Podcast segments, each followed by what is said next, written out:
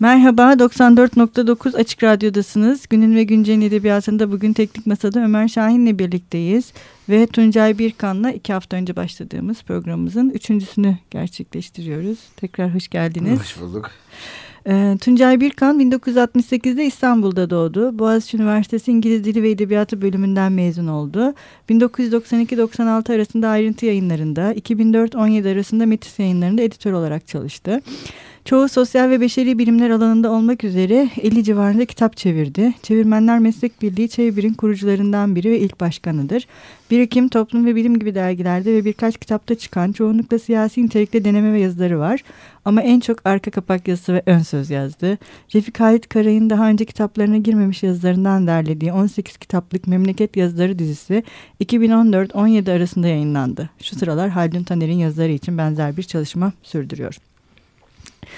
Şimdi e, programımızın e, şimdiye kadarki bölümlerinde Türkiye'de edebi kamusal alanın oluşması, estetik özellik, Nazım Hikmet e, gibi fıkra türü, gazetecilik, e, gazetecilerde edebiyatçıların rolü, söyleşiler, e, mülakatlar ve anketlerden bahsettik. Bayağı Bugün şeyden de, bahsetmişiz. Bugün de aslında e, şimdiye kadar benim neredeyse e, böyle bütünlüklü bir kitap içerisinde hiç görmediğim, e, rastlamadığım ve rastlamadığıma hiç şaşırmadığım için kendime de kızdığım bir e, bölümden aslında meslek örgütlenmeleri. Evet. Bu çok önemli. Evet. Ve gerçekten hani bir kamusallıktan bahsediyorsak örgütlenmenin ve evet. o örgütlenmenin içinde o kamu içinde güçlü olmanın tek yolu da bu sanırım. Bu nereden aklınıza geldi? Ben, bu hiç olmayan bir şey çünkü şimdiye kadar. Ben kendim de aktivist olduğum için bu alanda yani e, kitabın e, girişinde demin okuduğunuz biyografiye o Ç bir e, şeyini e, kurucu üyeliğini ve ilk başkanlığını yaptığımı yazmamın özel nedeni buydu. Yani bu benim için e, çok önemli bir şeydi. E, biz beyaz yakalıların e, özellikle kültür sanat faaliyetleriyle uğraşan, e, kitap işleriyle uğraşanların e, neler yaşadığını çok iyi yakından biliyordum. Kendi deneyimlerimden de etrafta insanların yaşadığından da. Onun için o işlere girmiştik ve uzun süre uğraşmıştım. E, bunun bir karşılığının da e, bu dönemde e, neler olduğunu bakmak istedim yani zaten o yüzden baktığım zaman da çok fazla şey gördüm. Yani şu an o döneme genel bakıldığında yazarın işte Cemal Süreyya'dan falan da aktarmıştım zaten. Hı hı. Rejimin gönüllü ya. hatibi falan olarak görüldüğü bir genel bir yaklaşım var. Yani genel bir bakış var. Yazar sanki böyle bir küvezde duruyor. Bir devlet var, bir yazar var gibi bir, bir bakışın bence bir ürünü bu. Halbuki bu yazarlar yaşayan, kanlı canlı, geçinmek için bir şeyler yapmak zorunda olan falan insanlar. Bunlar bu konuda ne yapmışlar, ne etmişler diye baktığımda çok fazla malzeme var ve şu ana kadar üzerinde hiç durulmamış malzemeler bunlar e, bence. Baktığımda onları gördüm ve özellikle kitaba biraz belki duygusal anlamda şey bir yerden başladım. Kitabın o bölümüne ölümlerle başladım ya. ben. Doğrusunu söylemek evet. gerekirse. O biraz böyle... Kemal Ahmet. E, belki kolay bir etki yaratma yolun yolu gibi görülebilir ama o kadar çok fazla insan var ki ben sadece üç tanesinden bahsettim. Yani bu böyle geçim zorunlulukları yüzünden e, çok sefil işlerde çalışmak zorunda kalan, sefil rakamlara çalışmak zorunda kalan on, onlarca yani belki yüzlere yüzleri sayıları geçen yazar var. Yani gördüğüm kadarıyla biyografilerinden. En azından üçünü anarak e, başlamak istedim. Ve sonra bu korkunç ortamda kendilerini nasıl korumaya çalıştıkları, ne yapmaya çalıştıklarını. Yani bu devlet ten beklentinin niye bu kadar geliştiğini anlamamız için de bizim için önemli bir şeydi bu. Yani devletten bir şeyleri talep etmek o zamanlar o kadar kolay bir şey değil. Yani e, devlet ancak ihsan ederse alabiliyorsunuz. İhsan almak için uğraşanlar bir yandan var. E, işte milletvekili olanlar var. Bunlardan bahsedilir de ara ara. Biraz da istihza ile bahsedilir yani. Ama bu insanlar yani ya belli avantajlardan belli mevkilerden yararlanmak için şey yapmak zorundalardı ya da hani devletle olmasa bile en azından basın sektöründe çalışarak kendilerine bir geçim alanı oluşturmak zorundalardı. Bu, bu ikili kıskacı arasında neler yapabilirler? Ne, mesela bu, bunu şimdiden bakıldığında normal bir şeyi bir solcu için falan benim gibi bir solcu için niye örgütlenmiyorlardı kardeşim sorusu oldu. Sonra ona baktım yani ne yapmışlar etmişler diye örgütlenmeye aslında erken başlamışlar. 1929'da ilk örgütlenmenin kurulduğunu görüyoruz. Ondan sonra işte kitap boyunca yani o kitabın o bölümü boyunca o örgütlenmelerin tarihini yazmaya çalıştım ve aslında daha çok örgütlenememenin tarihini yazmak e, zorunda kaldık. Onun çeşitli engelleri var. Yani devletin hiç bu, bu konuda e, şey yapmaması, avantaj e, tanımamasından başlayan. Bir de zaten kıyaslamalı da bakmak gerekiyordu. Yani yazarlar böyle kötü durumdaydı da halkın diğer durumu çok mu iyiydi diye biraz da ona bakmak baktığımda gördüklerim de çok korkunçtu doğrusunu ya. söylemek gerekirse. Ee, yani öyle bir ortamda insanların baya böyle zorlu bir hayat mücadelesi vermek zorunda olduklarını görüyorsunuz. Yani böyle gazetelere sürekli yazı yazma, yazı yetiştirmeye çalışan insanlar e, ya da işte bir yerdeki bir memuriyetini korumak için söylediklerine çok aşırı dikkat etmesi gereken insanlar falan. Böyle bir ortamda bile yine de çok ilginç şeyler çıktığını daha önceki bölümlerde görmüştük. Yani bu kadar korkunç, bu kadar şey e, sert koşullarda e, bunlar nasıl tartışılmış, neler konuşmuşlar falan bunlara bakmak istedim ve çok ilginç şeyler konuşulduğunu özellikle de iki kadının bence e, Sabiha evet. Sertel ile Suat Derviş'in e, gazetelerde özellikle bu konuda yaptığı çalışmanın yani e, bir altyapısını hazırlamanın bu işler için e, ne kadar uğraştıklarını görüyoruz 30'lu yıllarda. 1940'lı yıllarda da işin e, daha böyle kurumsallaşması için en azından belli kanunlar çıkartsın çıkartalım da kendi hayatımızı bir yerlerde bir garantiye alalım. Belli bir sigortamız olsun, düzenli bir gelirimiz olsun diye yaptıkları sürekli uzun süren, 10 yıllar boyu süren neredeyse 10, 10 yılda geçen bir süre süren e, bir hukuk mücadelesini de bir yandan anlatmaya çalıştım gördüğüm kadarıyla. Bunları ben o kadar da ayrıntılı bilmiyorum. Çok şey öğrenerek yazdım. İnsanların da e, bu bölümleri özellikle okumasını isterim yani şeyin içinde. Benim çok etkilenerek yazdığım bölüm oldu. Ya okurken de gerçekten e, mesela ben dediğim gibi kendime çok şaşırdım. Hani böyle bir yazarın konumunu, edebiyatını, edebiyatçıların bir işte bir tarih oluşturmasını falan bekliyoruz, evet. düşünüyoruz evet. ama bu hangi koşullarda oluyor oluyor. ve evet. neye dair oluyor ve bu bunu hayatta kalma çabalarını nasıl sağlıyorlar? Bunu hiç düşünmemiş olmak aslında biraz şey e, mevcut olan e, verili verili her şeyi nasıl kabul ettiğimiz. O yüzden mesela okurken sizi de anladım. Neden bizzat edebiyat eleştirisinin içine çok girmeyi evet, tercih evet, ettiğinizi. Evet. Hani o illüzyonu kaldırmak. Evet ben biraz materyalist takılmak evet. istedim. İki anlamda da kelimenin iki anlamında da materyalist bir tarih yazmak istedim. Yani bir düşünce tarihi ama Hı -hı. elinde sonunda onlar belli bir somut koşulların içinde gerçekleşen e, düşünce faaliyetleri diyeyim evet. şeyin içinde. Onu göstermeye çalıştım biraz. Aslında bu anlamda estetik olandan çok kültür alanına girmiş olmanız da önemli bir şey. Çünkü biraz daha kültürün kendisinin yine burada da sürekli bahsediyorsunuz ya yine benim barbarlık. Evet, Her kültür evet, tarihinin evet, evet. bir barbarlık e, koşulunda mümkün olması. Mümkün olması. Aslında 30'lar ve 60'lar e, yine sizin kitabınız bize o daha önceki bölümlerde konuştuğumuz gibi yani işte her şeyin suçlusu ve günahının cumhuriyette aranması değil buradaki Hı. hikaye.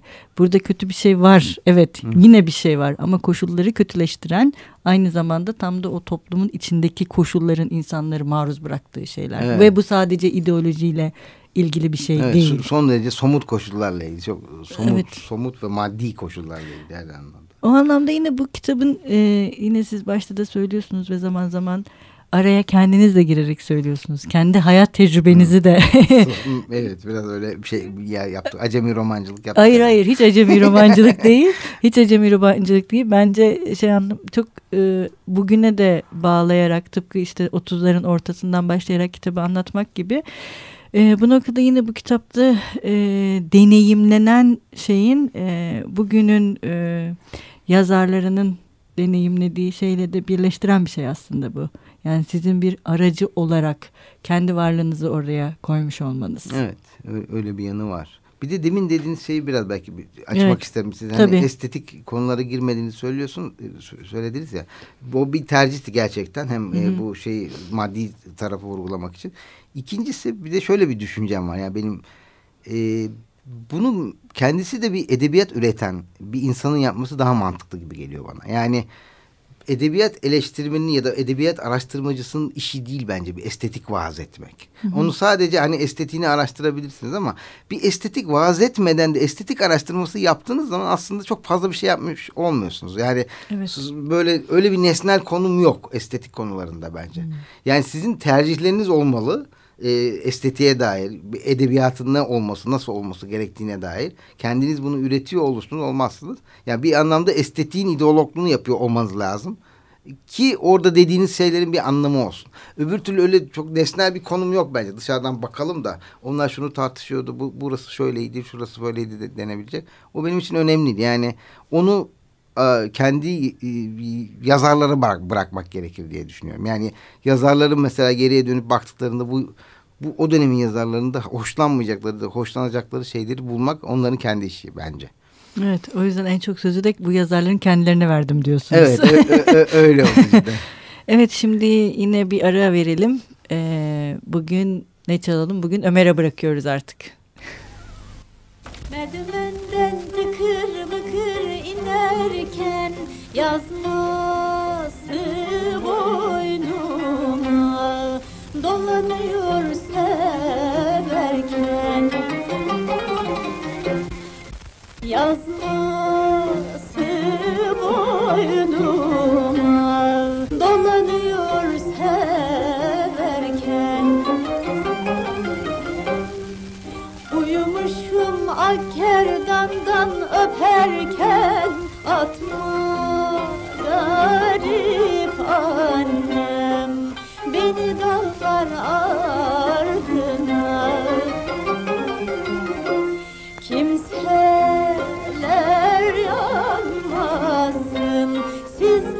Amen.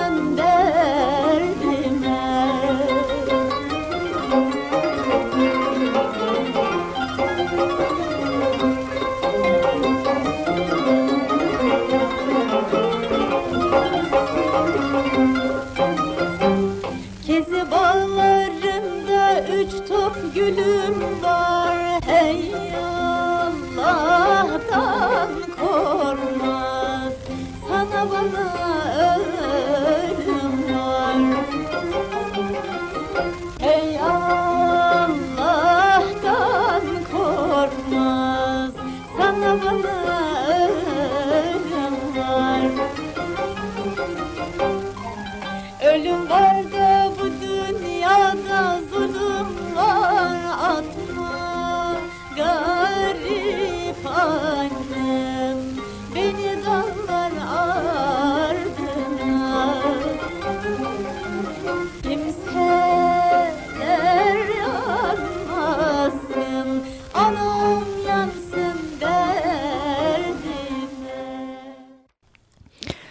Merhaba, 94.9 Açık Radyo'dasınız. Günün ve Güncel'in edebiyatında Tuncay Birkan'la Dünya ile Devlet Arasında Türk Muhacir adlı kitabını konuşmaya devam ediyoruz. Ee, programın ilk bölümünde meslek örgütlenmelerinden ve e, kamusal alanda edebiyatçıların kendi örgütlenmelerinden e, bahsettik.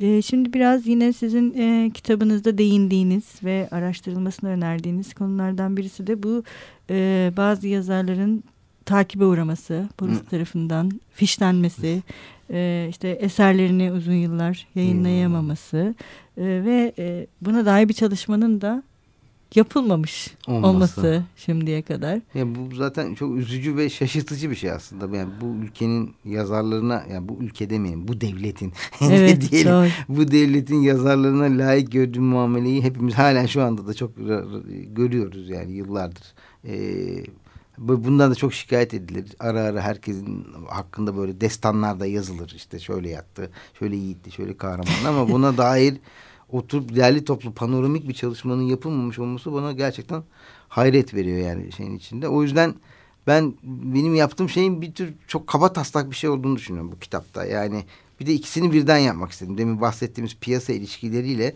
devletin yazarlara gördüğü, e, layık gördüğü mua- muameleyi ikisini bir arada anlatmak istedim. Çünkü yazarlar tam da bu kıskacın ortasında hayatta kalmaya ve ürün vermeye çalışıyorlardı. Yani bir yandan piyasa koşullarını anlattık onun ne kadar korkunç olduğunu. Bir yandan da devletin belli bir yerden sonra özellikle 1938'de ayrı bir e, bu konuyla ilgili bir birim kur- kurup bütün yazarları istisnasız bütün yazarları takip etmeye karar vermesiyle birlikte oluşan garip ve korkunç bir atmosfer var. Bu, bu atmosferin özellikle 40'lı yıllarda gittikçe yazarlar üzerinde artan baskıya dönüşmesi, sürgünlerin yeniden yürürlüğe girip yani onlarca yazarın Anadolu'nun çeşitli şehirlerine e, sü- sürgün edilmeli. Onları da bulabildiğim bir sürü ismi koymaya Evet. çalıştım. Bir tür liste de oluşturmaya çalıştım. Kimler nerede, nerelere sürülmüştü. Tabii ki eksiksiz olmaktan çok uzak bir liste. Ee, bu, bunlarla birlikte ele, ele aldığımız zaman gerçekten daha net değerlendirebiliriz diye düşündüm ve şey bu yazarların e, sürekli devlet takibi arasında olmasın bir ara insanlar şey diye düşünmüşler. E, ya bu yazarların paranoyası canım yok öyle bir şey falan diye ama o paranoya aslında devletin kendisinde varmış. Onu, onu çok net bir biçimde görüyoruz. Ben neredeyse işte e, bu so, reel sosyalist devletlerdeki uygulamalara yakın e, şeyler yapılmış. E, takipler yapılmış yazarlar hakkında sürekli fiş tutulmuş. E, 1950'lerde bunun değişeceği varsayılmış. Bir ara öyle bir konuşmuş. Hiçbir şey değişmemiş. Aynen 1950'lerde de işte Oktay pasaport vermemeler hakkında dosyası olduğunu söyleyerek gizemli bir atmosfer yaratıp hiçbir şey yapmamalar. Bunu Mehmet Kemal çok iyi anlatıyordu. Evet. O yüzden ondan bol Acılı bol, kuşak. Acılı kuşak. Onu bol bol yararlandım onun o, o kitabından doğrusunu söylemek gerekirse. Bu belki bir de şunu söylemek için e, bir vesile oldu. Bu hani 1950'de bir sürü şeyin değiştiği varsayılır Türkiye'deki tarihinde.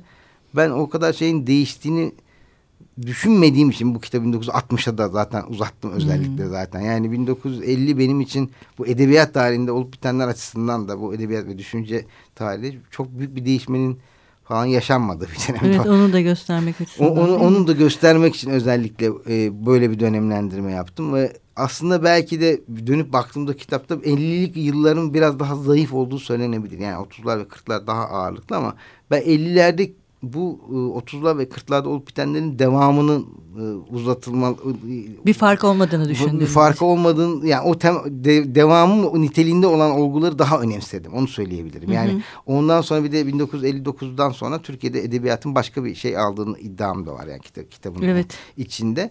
Ee, yani üretilen metinlerin içeriği bakımından da yazarın aldığı pozisyon e, bakımından da e, devlete karşı aldığı pozisyon bakımından da eee oraya o yüzden fazla girmek istemedim. Onu da doğuran tabii 50'li yıllar boyunca çeşitli yeni gelişmeler falan olmuş. Onlar bence ondan bir sonraki dönemi ele alacak çalışmaların konusu olduğu için de o tür 50'li yıllardaki şeylere girmedi. Bunu da özellikle burada söyleme. Hazır yeri gelmişken söylemek istedim yani. Evet. Peki e, bir de yine ben, benim açımdan kitapta ilginç olan şeylerden birisi evet fişleniyorlar ama bir de ikna edilmeye çalışılıyorlar yazarlar. Yani mesela Suat Derviş yine Sabiha Sertel'in evet. anılarından yani dönemin önde gelenleri tarafından e, Bizatihi İçişleri Bakanı tarafından Bizatihi evet İçişleri Bakanı'ndan şu, Şükrü Gükaya da, davet... ve o kadar uzun süre İçişleri Bakanlığı yapması falan evet, mesela. Evet, o da... Onun kendisi bütün hani böyle şimdilerde bir takım insanlara derin devlet deyince aklımızda canlanan bazı insanlar evet. var. E, o, o, o insanlara benzer bir figür olduğunu evet. kendisini söylenebilir. Bana şey daha ilginç gelmişti. Yani öyle bir adam tamam olabilir ama Sonra o adam normal bir yazarmış gibi Yedi Gün Gazetesi'nde bir sürü böyle felsefe paralamış da, uzun yıllar.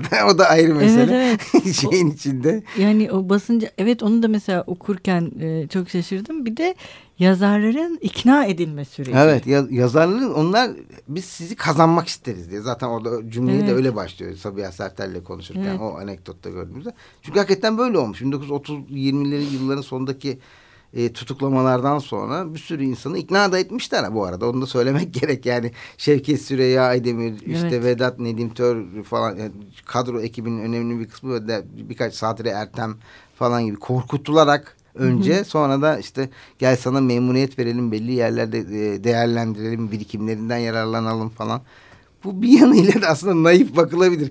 Ya adamlar kontrol altında tutsak tutarak da olsa bu bu insanlardan yararlanmak istiyorlar. Yani öyle bir akılda olduğu söylenebilir. Değerlerinin e, farkındalar. Değerlerini farkında. Bu insan ihtiyacı da var. Bir de öyle de bir yanı var. Yani kendilerinin e, yaratmak istedikleri tam organik aydın henüz oluşmamış olduğu için aydın ödünç alıyorlar aslında bak evet. bakılırsa yani bazen zor yoluyla bazen işte e, bir takım şey havuçlar uzatarak falan onu yapmayı başarmışlar epey bir kısımda ama işte Sabiha Sertel'de olmamış mesela. Suat Derviş'te de. Suat Derviş'te olmamış yani ona benzer Hı. E, daha başka kim ne örnekler var daha ayrı, ayrıntılı araştırılsa görülecek şeyler vardır.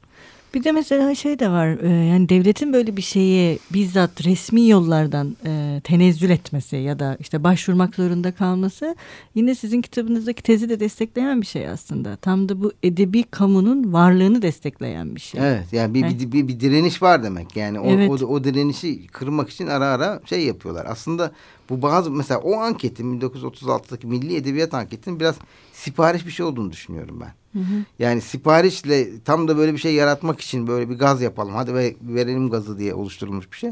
Ama püskürtülmüş olmamış yani. Ama tabii sonradan yine anlatıyorsunuz bazılarının fikirleri değişiyor Ya onlar kırklardan fikir- sonra. E, o şey tabii. Kırklardan sonra değişiyor ama ben ona çok fazla girmedim. Bir yerden sonra o tartışma ortadan kalkıyor. Kalk. Yok yani. öyle bir- Etkisini kaybediyor. Öyle etkisi etkisi kalmıyor. Yani çünkü yazarların e, bayağı üzerine gidiliyor o 40'lı yıllar boyunca. Onu anlatıyor. Yani bayağı artık dövmeye başlıyor yazarları devlet. Hapislerde süründürüyor sürgünler mürgünler. Ondan sonra bir de onlardan hani gel bir de bana milli edebiyat yap falan olmuyor. Yani sen, sen, sen kendi zaten dışlıyorsun yani. En Kendi o, o, neyse, o, o, o kadar dışladın, o kadar ezdin insandan bir de ayrıca çok talepte bulunamıyorsun. O insanların da aklına bu işi artık böyle formüle etmek falan gelmiyor. Ama ben yaptım milli edebiyat falan. O zaten sönümleniyor aslında. Kı- 40'lı yıllardaki şey geçici bir parıldama, parlama. Yani Tanpınar'ın da o şeyi yazdığı zaman e, kendi milli edebiyat talebini falan yazdığı zamanlar o sönümleniyor. Yani İkinci Dünya Savaşı'nın şeyi içinde, e, karanlığı içinde öyle kalıp gidiyor. Ondan sonra çok devam eden bir şey değil. Ama yıllar sonra hep akla geldikçe Bir herkes, milli edebiyat. herkes bir milli edebiyat istiyor yani şeyin içinde. Evet, doğru. Bugün de aslında yine bir yerli ve milli olma tekrar tekrar konuşulan bir şey halinde. Güncelliği bitmek bilmeyen. bela Güncelliğe bitmek bilmeyen. Ama tam da bu yerli ve millilik meselesinin edebiyat bağlamında e, konuşulmaya başladığında aslında orada iyi bir edebiyat da var demek gibi geliyor bana. Çünkü direnen bir şey var biraz önce Evet, evet, söylediğimiz evet. gibi. Hani bugün de bu mesele hortladıysa bugün de direnen bir edebiyat. evet kı- kısmen öyle olduğu söylenebilir. evet bence. belki hani yine bu sizin baktığınız yerden bu yazarların ve şeylerin konumlandırmalarına baktığımızda bugünü e, ya bugün anlamak gibi saçma bir şey söylemek istemiyorum ama yani bugünün aslında e, çok da homojen bir şey olmadığını görmek açısından Evet hep da. öyle, hep öyle bakmak lazım. Yani hiçbir yeri böyle belli bir şeyin e, e, hakimiyeti altında değerlendirmek mümkün değil. Yani iktidar ne kadar uğraşırsa uğraşsın Hı hı. karşısında ona direnen bir şey. Nerede iktidar varsa orada direniş, ve Direniş karşı var, koyuş da var karşı yani koyuş şöyle. var. Bir de en son şeyden bahsedelim. Ee, bir de kitabın ekler bölümleri var. Yani Evet. bayağı makaleler var burada da. Bu da çok ilginç mesela. Burada yine e, sizin çoğunlukla gazetelerden gördüğünüz e, böyle bir e, ek. Bu ekler de tek başına kitap olabilir aslında. Evet yani. onların her biri bir şeye giriş gibi. Yani benim üzerine daha da ayrıntılı yazılması gerektiğini düşündüm ama hani kısaca da inip kitabın da kendi organik bünyesi içinde e, bir yer çok koyamadım. Ama hani sonda ayrıca bir tartışılmasında gerek gördüğüm şeyler. Mesela K enstitüleriyle ilgili olan şey tamamen öyleydi. Bu arada onu da şaşmadan e, söyleyemeyeceğim. Yani bunu niye kimsenin benim orada dediğim şey hiç de çok matah bir şey değil aslında. Yani Herkes ama bütün sosyal medyada değil mi? En çok şey yapılanlardan en çok, en çok birisi. o konu. Yani burada yani bir köy enstitüleri gibi hakikaten çok önemli ve e, pedagojik olarak çok anlamlı bir deneyime girişiliyor ama bir yandan kimin üzerinde girişiliyor? Vergilerle bunalttın öldürmek üzere canı çıkmak üzere olan insanlarla Aynen. sen oradan bir de diyorsun gel seni bir de aydınlatayım. Yani o zaman o zaman o şey çıkmıyor. Ya bunu falan hani görüp de onu mutlaka ayrıca bir yerde yazmak istemiştim. O bir model oldu aslında. Onu işte bir de Refik Aydın Kürtlerle ilişkisi.